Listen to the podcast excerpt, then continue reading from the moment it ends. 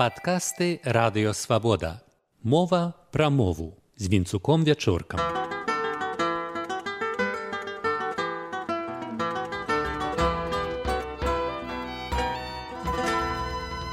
Вітаю шаноўнае спадарства. Каталёнскі атляс 1375 году гэта ілюстраваны атляс свету, аўтарства вядомых картографаў і кніжных ілюмінатараў, гэта значыць майстроў упрыгожваць кнігі бацькі і сына абрагама і ефуды крэскесаў якія жылі на выспе маёрка атляс катала укладзены для падарунку французскаму манарху каралю шостаму. Цяпер захоўваецца ў нацыянальнай бібліятэцы францыі. Мова атлясу каталянская шэсць аркушоў пергаменту на драўляных панелях складзеныя ў гармонік па-мастацку ілюстраваныя у тым ліку золатам і срэбрам і з геральдычнымі выявамі.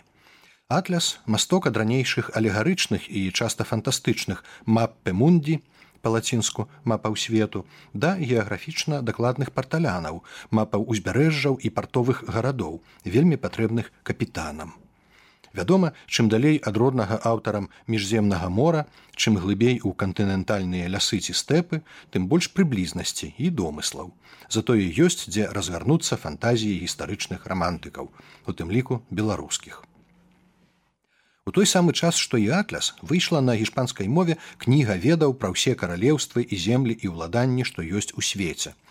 У атлясе на беразе балтыйскага мора пазначаны горад літэфама пагана літва паганская. У кнізе ведаў таксама ёсць гэтая назва але там гэта краіна. Думаю што літэфама вынік памылкі перапісвання. Была літэфанія спалучэнне ні ні часта блыталі з м чаму паганская? Бо балцкая частка насельніцтва вялікага княства была пахрышчаная толькі ў 1387 годзе будучы юдэямі крэскесы відавочна не ўкладалі станоўчай ці адмоўнай ацэнкі ў гэтае азначэнне. Але галоўнае пытанне выклікае выпісаная капітальнымі літарамі назва краіны на паўднёвы ўсход ад балтыйскага ўзбярэжжа і таго ўяўнага гораду літэфама ці то літэфанія. Гэта Еўропа. Абшар Еўропы атачаюць знаёмыя краіны. На захадзе ляжыць Польшча, да якой у той гістарычны момант належаў Леон, відаць ад Львоў. Праўда, у львоўскія гарады паводле кнігі ведаў уваходзіў і тураў. На паўднёвы ўсход ляжыць краіна Россія з агламерацыяй сямі гарадоў, над купаламі храмаў якіх, падобных дарэчы да мячэтаў, няма крыжоў. Значыць, там так званыя схізматыкі, хрысціяне, але не тыя. Ніжэй па Дняпры горад Хіва, відавочна Кіяў ці пад Россія маюцца на ўвазе так званыя рускія княствы Беларусі і Украіны невядома, але на ўсход ад іх за дняпром ляжыць куманія. Гэта палавецкая зямля, кыпчакі, пад сцягамі залатой арды. Вялікая рака на поўначы, што ўпадае ў балтыйскае мора каля рыгі, гэта вядома дзвіна. У кожным разе словам Еўропа на мапе 1375 году пазначаецца цяперашняя Беларусь або яе вялікая частка. Першымі пачалі ўжываць слова Еўропа як тапонім старажытныя грэкі, для якіх яна была часткаю міжземнаморскага басейну і трохчасткавага свету разам з Азіяй і Афрыкай. Спачатку гэтае слово не мела цывілізацыйнага значэння. Еўропа гэта тое, што на захад ад эгейскага, чорнага і азоўскага мораў, значыць Крым у Еўропе, атаманская паўвыспа ў Азіі. Для грэкаў Еўропа і Азія былі падзеленыя вадой. Таму яны шукалі паўночнага працягу воднай мяжы. Гэта аказалася рака Дон, Танайс па-грэцку.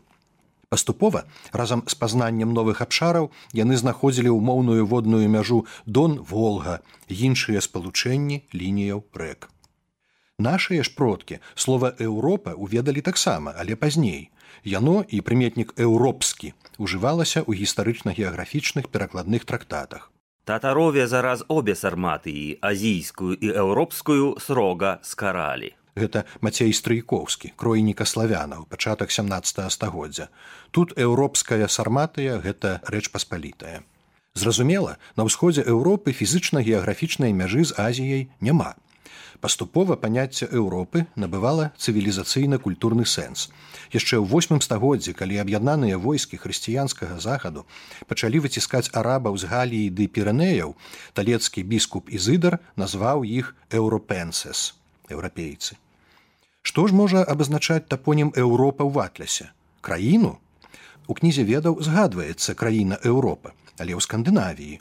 Можа гэта нямецка-крыжацкі фарпост у лівоніі, але паганская літэфама і крыжацкая рыга пазначаная ў атлясе аднолькавымі значкамі. Тады, магчыма, слова Еўропа пазначэнне еўрапейскай мяжы. Адпаведна старадаўняй грэцкай завядзёнцы парацэ. У гэтым выпадку па дзвіне, а далей на поўдзень па доне, на ўсход ад якога Азія. Усходняя мяжа Еўропы на іншых старадаўніх еўрапейскіх мапах ішла і па дзвіне доня і па двіне той, што ўпадае ў белае мора. Расея з іміджавых меркаванняў была зацікаўленая ў перасоўванні ўяўнай еўрапейскай мяжы далей на ўсход. Урэшце, толькі ў 18 стагоддзі Васіль Тацішчаў прапанаваў такою цалкам умоўнаю мяжою уральскія горы. Але ўсе варыянты правядзення ўсходняй картаграфічнай мяжы Еўропы пакідалі Беларусь, прынамсі яе большую частку на заходнім баку. А дзякуючы каталянскаму атлясу мы ведаем, што тэрыторыя ВКЛ і Беларусі вачыма геаграфічна далёкіх ад нас міжземнаморскіх еўрапейцаў 14 стагоддзя гэта Еўропа.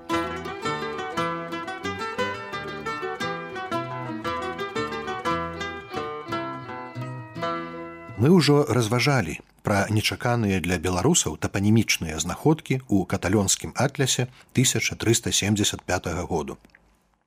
Нагадаю, гэта ілюстраваны атляс свету, аўтарства картографаў і кніжных ілюмінатараў, то бок майстроў упрыгожваць кнігі, бацькі і сына Абрагама і Ефуды крэскесаў, якія жылі на выспе Маёрка і адпаведна належалі да славутай маёрскай картаграфічнай школы. Атляс катала укладзены для падарунку французскаму манарху каралю шостаму. Цяпер захоўваецца ў нацыянальнай бібліятэцы Францыі атляс з шасці аркушаў пергаменту на драўляных панелях ілюстраваны у тым ліку золатам і срэбрам і з геральдычнымі выявамі поўдзень зверху. Гэты картаграфічны твор блізкі да геаграфічна дакладных парталянаў мапаў узбярэжжаў і партовых гарадоў вельмі патрэбных капітанам. Сапраўды ў атлясе ўзбярэжжы паказаныя даволі дэталёва і відаць адпаведная эпося дакладна Тагачасныя картографы міждзяржаўных межаў не паказвалі, а палітычная прыналежнасць зямлі ці гораду тут пазначаецца сцягам ці гербам. І вось на еўрапейскай старонцы атлясу, той, дзе і Беларусь, над крымам на фоне чорнага мора лунае вялікі бел чырвона-белы сцяг, выкананы на срэбры чырвонаю эмаллю. Адкуль ён над пераважна крымска-татарскім, а да таго грэцкім і годскім крымам, Няўжо яго там паставілі нашыя чумакі, што хадзілі ў Крым пасоль, ды там і засталіся, але ж іхныя валы? Крыму едуць Скрыму едуць караку пад'язджаюць крыму едуць тайрыкаюць пад шынкарку пад'язджаюць. Значыць вярнуліся такі ў Беларусь. Дрэўка сцягу уваткнутая ў крымскую зямлю ля гораду кафа феадосія. З 13 по 15 стагоддзя кафа як і шэраг іншых гандлёвых паселішчаў на крымскім узбярэжжы належала генуэскай рэспубліцы. Прычым кафа была акурат сталіцаю газарыі шматлікіх валоданняў генуі на чорным моры у тым ліку цяперашніх балаклавы і сочы. Часткова генуя адваявала пасля бізантыйскую спадчыну канкурэнта венецыі. Кафу перадаў генуі ў валоданне мангухан, намеснік залатой арды ў крыме. Ханы давалі калоніям поўнае самакіраванне, хаця канфлікты бывалі. Насельніцтва добра ўмацаваных і багатых генуэскіх калоніяў было поліэтнічнае і талерантнае.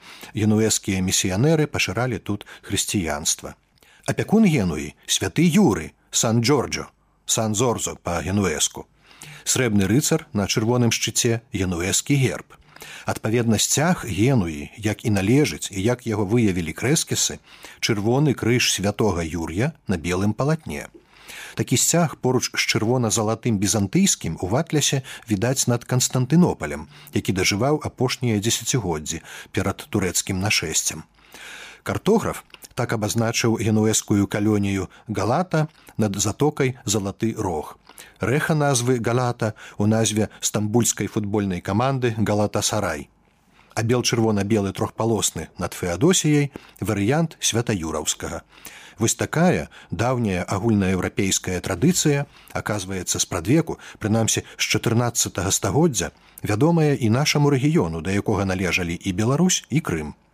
Прышлыя здалёк генуэсцы часткова сплылі, а часткова асіміляваліся, а крымска-татарская дзяржава не раз бывала саюзнікам вялікага княства ў тагачасных геапалітычных перыпетыях.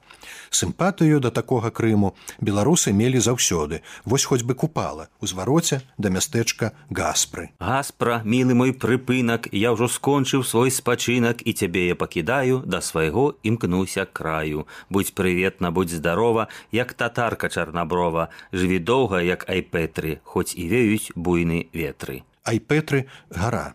Гэта 1923 год, але і ў 14 стагоддзі Крым належаў да кола адначасова міжземнаморскай і цэнтральнаеўрапейскай цывілізацыяў, пра што сведчыць бел-чырвона-белы сцяг над ім у каталёнскім атлясе. З вами быў вінцук вячорка.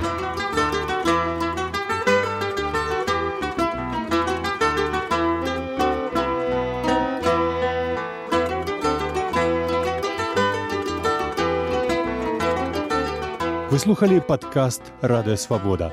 Усе падкасты свабоды ў інтэрнэце на адрасе свабода кропка орг. Штодня, у любы час, у любым месцы, калі зручна вам. Свабода кропка орг. Ваша свабода.